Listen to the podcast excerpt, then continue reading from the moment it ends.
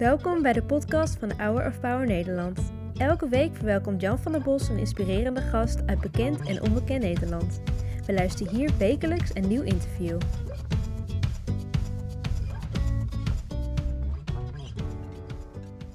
Dat was Noël Lidioff en wat kan ze prachtig zingen. En haar lied was al even mooi. In Jesus' name, in Jezus' naam. Rashid, je bent uh, in Iran geboren. Je bent van moslim-christen geworden. Wat is het verschil als je zegt in Jezus' naam of in Allah's naam? De Jezus' naam heeft een zoveel kracht eigenlijk in.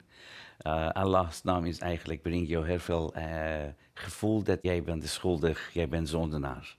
Maar als ik zeg in Jezus' naam, voel ik mij heel veel vrijheid eigenlijk in de woorden staan. Je kijkt er Oh. blij bij. Ja. Ja. Voordat ik over jouw verandering wil praten in je leven, uh, denk ik, en ik denk dat heel veel mensen dat doen, veel aan jouw land, wat nu verscheurd, kapot gemaakt wordt. Uh, demonstranten die uh, publiek ter dood worden veroordeeld. Ja. Je bent je aan alle kanten aan het verzetten met de Iraniërs in Nederland, hè? Klopt, eigenlijk regeert daar een uh, macht dat die uh, helemaal mensen kapot maakt. Geen mensenrechten houdt. Mensen hebben geen normale le leven, geen toekomst eigenlijk. Daardoor voel ik mij op deze dag echt zoals Nehemia. Overal dat ik ga, ik zeg, mijn land, de muren zijn gevallen en is aangevallen. Help, om helpen dat verandering in de land brengen. Ja. Maar hoe kan het nou dat je in de naam van Allah, Allah de barmhartige, uh, vreedzame demonstranten publiek ter dood laat brengen? Kijk, het is een grote verschil tussen Allah en God in de Bijbel. Allah wil de zondenaar dood hebben. En vijanden willen ze dood hebben. Maar in onze Bijbel staat heel duidelijk... God geeft zijn eigen leven om de zondenaar eeuwig leven hebben. Dat is totaal andere eigenlijk theologie. In Koran staat, in Nissa 24, staat er duidelijk...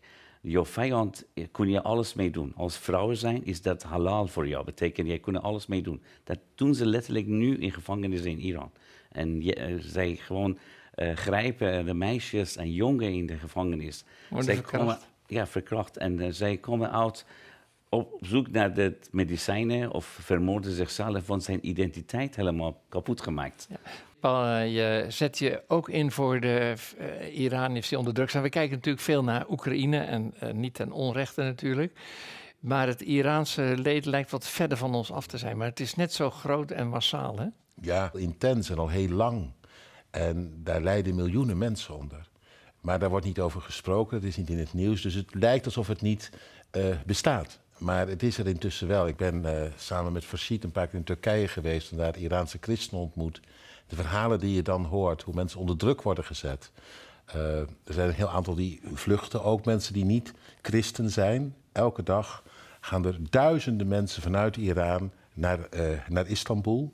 Maar het zegt natuurlijk wel wat over zo'n samenleving. Het sleutelwoord van christendom is liefde. Het sleutelwoord in de islam is barmhartigheid. Jullie hebben er beide op gestudeerd. Leg het mis uit. Ja, nou ja, ik vond wel verhelderend nog even wat Farshid net zei.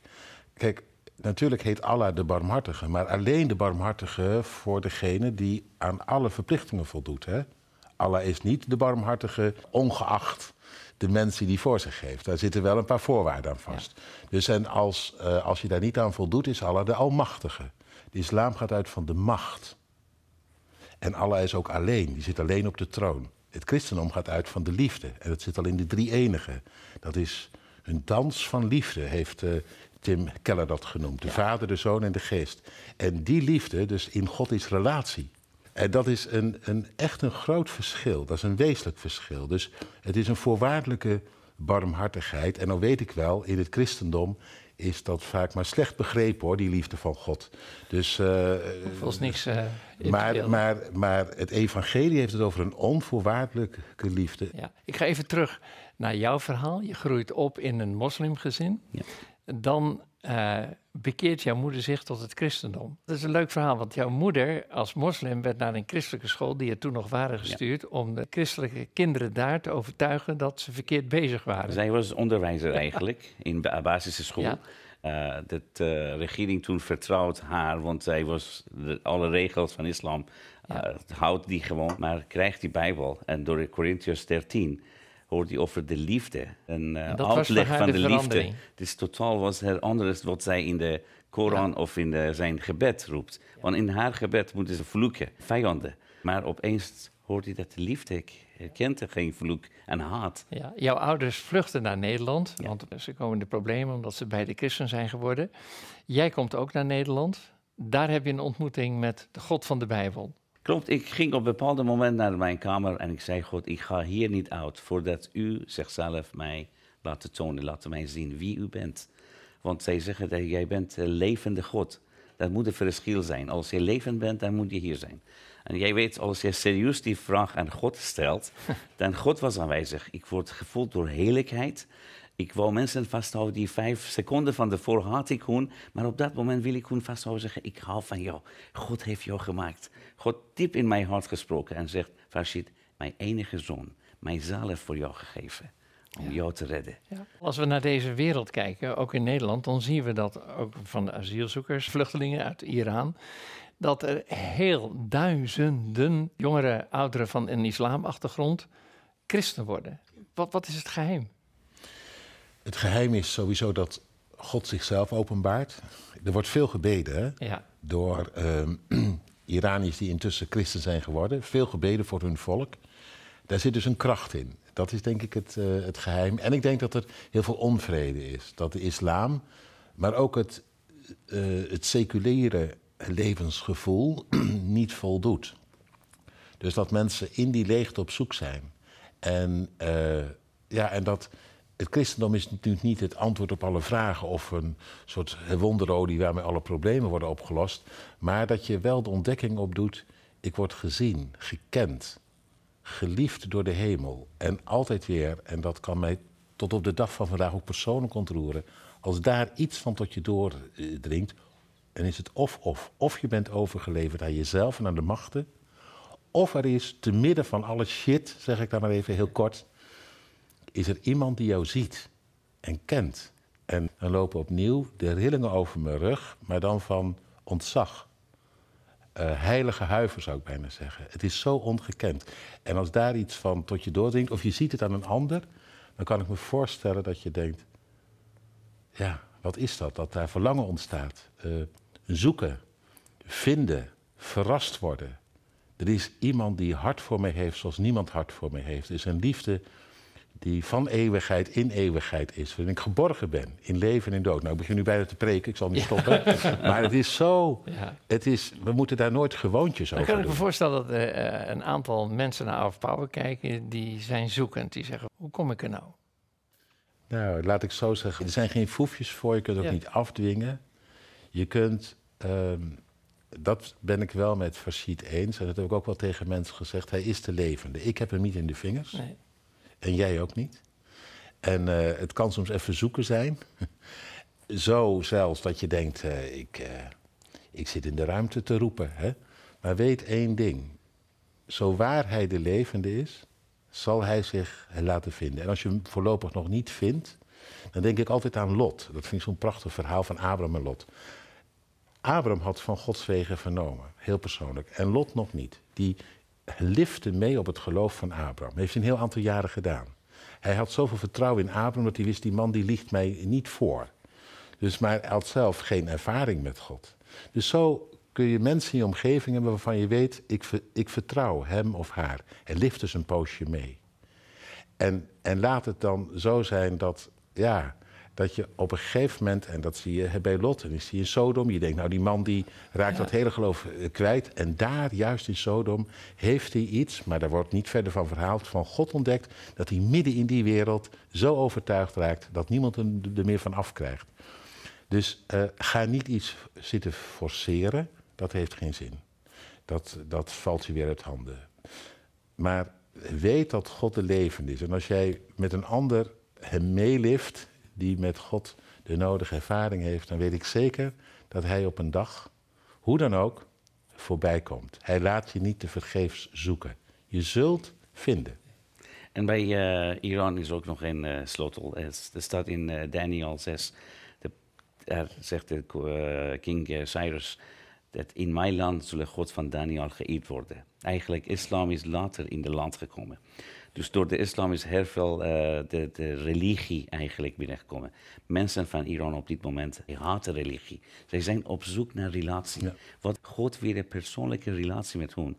Op dit moment is een onderzoek gedaan. 70% van Iraniërs die willen geen islam.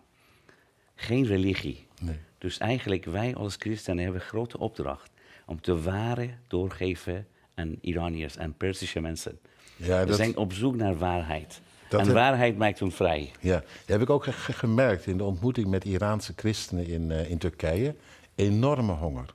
Enorme honger. En dat vertelde ze ook. Eén, één vrouw vertelde, dat, ze, zij was hoogleraar, ze was tot geloof gekomen. Ze is teruggegaan naar de omgeving waar ze was opgegroeid. En binnen enkele maanden waren 90 mensen tot geloof gekomen op haar getuigenis. En alsof ze gewoon de hongerige harten gewoon zomaar kon voeden en vullen. Het is, dat is een, ja, ik, heb me, ik heb daar met verbazing naar geluisterd. En uh, ik merkte ook aan, uh, ik heb daar uh, zeg maar, lezingen gehouden. Dat begonnen we om zes uur. Nou, je was erbij, Farsiet. Ja. En hij vertaalde mij en behandelde ik Romeinen 3 tot 8, tot s avonds, tot s'nachts 12 uur. Zo. Een en al aandacht. Dus de eerste avond zei ik tegen Farsiet, joh, ik moet stoppen, dit is te veel. Dit Nee, zegt hij, ze luisteren toch? Ja. En ik heb niemand zien gapen, ik heb niemand zien wegdutten, ik heb niemand... Het was, het is zo'n enorme honger. Honger naar uh, een goed woord van God uh, honger naar uh, liefde, naar waarheid. Naar, dat is, dat is, en dat, dat moet ik ook nog even aan denken. Ik ben even het hoofdstuk nu kwijt. Maar er is uitgerekend voor uh, Iran is een enorme belofte van God. Die te vergelijken. Jeremia 49. Ja, Jeremia, daar Jeremia is het. Ja. 49, vers 33 tot het einde. Ja, dat is een. Als je dat, dat leest, dan denk ik, ja, dat is, daar is iets aan het gebeuren. En uh, er is iets aan het gebeuren dwars tegen de harde werkelijkheid in. Want Iran is natuurlijk het land dat niets liever wil dan het Jodendom en het christendom vernietigen. En juist daar middenin, en dat is ook weer echt iets van God, hè? waar het verzet het hardst is, daar weet hij soms de grootste overwinningen te behalen. En daar gaat hij zijn ongekende gang. Ja. En Perzië is een land geweest met een hoge beschaving, waar ook uh, een land als Turkije veel aan te danken heeft. Uh, dus er zit in, in het DNA van het volk zit ook een, iets heel anders dan alleen maar die, die harde fundamentalistische uh, islam. Daaronder zit, zit, zit veel intelligentie en zit denk ik veel meer het verlangen om te ontwikkelen dan in die onderdrukking te leven. En daarom je mag hopen dat die krachten die verlangen naar vrijheid en naar ontwikkeling, dat die toch ook in die cultuur kunnen overwinnen. En dan kan er een heleboel goeds uit voortkomen. Daarom is ook belofte voor Iran eigenlijk. God vergeet niet geschiedenis. God vergeet niet wat Persia gedaan voor Nehemia en Esther. Daarom in Jeremia zegt, ik zal mijn troon in Ilan bouwen voor Ilamieten. Dat is bijzonder. Ilan, precies de plekje waar die beweging nu in Iran geboort. Ilamieten zijn Koerdische mensen. Ja daar is eigenlijk. Wat is jouw hoop voor uh, Iran? Mijn hoop is dat in Iran zullen de God geëerd worden, dat die ware God, Jezus Christus geëerd worden. En God daar regeren. Daar is liefde komt en hoop. En uh, dat wordt eigenlijk Iran zoals Iran was in de Bijbel. Zoals Persia genoemd in de Bijbel. Ik hoop dat wij daar kunnen teruggaan, dat de God kunnen eren. Dat lijkt een lange weg. Ja, dat lijkt een lange weg. En dat is ook altijd weer in de Bijbel zo. Toen uh, de geboorte van Jezus werd aangekondigd. En uh, toen was het een tijd waarin de, het Romeinse Rijk het voor het zeggen had. Herodes, een zoon van Ezo, zat op de troon. Terwijl beloofd was dat er altijd een nakomeling van David op de troon zou zitten. Je zou denken, het is einde verhaal. En die belofte van God, die kun je schudden, kun je vergeten en daar middenin. En dat is altijd het verrassende van God, waar wij het idee hebben, nu is het afgelopen, nu kan het niet meer. Daar blijkt ineens dat, er, dat hij mogelijkheden heeft die wij niet hadden bedacht. En dat hij dan toch daardoorheen zijn ongekende genadige gang gaat. En dat koninkrijk van hem, dat is doorgebroken en dat breekt altijd weer door. Dat zal ook gebeuren in Iran. Wat kunnen wij als christenen betekenen voor Iran hier in Nederland? Eigenlijk heel veel. De eerste is gebed. En ten tweede wij kunnen zoveel actie nemen. Het- ik denk dat moeten wij onze relaties met zo'n land dat die eh, mensenrechten niet houdt, gewoon afbreken. Eh, kijk, hier, ik zie dat heel veel wordt gesproken over asielbeleid. Over de problemen met asielzoekers, problemen met de huizen. Het is zoveel in de nieuws. Maar wij gaan nooit naar de bron kijken. Als wij vrede hebben in Iran, dan hebben wij vrede in Jemen, Libanon, Syrië en Hezbollah. Overal is vrede. Dan komen weinig mensen uit, maar dan gaan ze echt daar die land bouwen. Want waar de vrede is en toekomst, Ja. blijven ze mensen daar. Het leed is intussen zo verschrikkelijk. En kijk, ik heb ook verhalen gehoord van mensen die in isoleercellen gezeten hebben, die op andere manieren gemarteld zijn of hun familie kwijt zijn geraakt. Het is dramatisch. En die eerste reactie is alleen maar boosheid en wraak. Maar daarom wordt juist gezegd: wreek u niet beminde, mij komt de wraak toe, ik zal het vergelden. En, en, en die God die vergeldt is zelfs bij machten, kan zo goed zijn om te vergeven, om op te zoeken, om om te keren. En dat is het geweldige van het evangelie. Dat, dat gaat in die zin ook boven alles uit. Dat lijkt me een mooie afsluiting. Je hebt een bloeiende gemeente, Iraanse gemeente in Almere. Je zendt eh, een eh, televisieprogramma uit naar Iran, die door miljoenen wordt bekeken. Heel veel zegen op eh, wat jullie beiden doen. Je bent de trouwe kijker van of Power, dat vind ik heel leuk. Dankjewel. Sterk geloof, alsjeblieft. En jij staat elke zondag op de kans van in Rotterdam of elders. En dan spreek je deze tekst uit. Ah, mooi zeg. De Heer zegent u en hij behoede u. De Heer doet zijn aangezicht over u lichten en zij u genadig. Ja, daar, daar leven we van. En, van eh, eh, het omzien van God. Ja. Alle twee. Dankjewel. Nogmaals, heel hartelijk bedankt. En dank dat jullie een, eh, een ander perspectief hebben gegeven op eh, de situatie eh, in Iran. Dankjewel. Dankjewel. Bedankt voor het luisteren naar het interview van deze week. We hopen dat dit verhaal jou heeft bemoedigd. Wil je meer weten over Hour of Power of andere interviews bekijken? Ga dan naar www.hourofpower.nl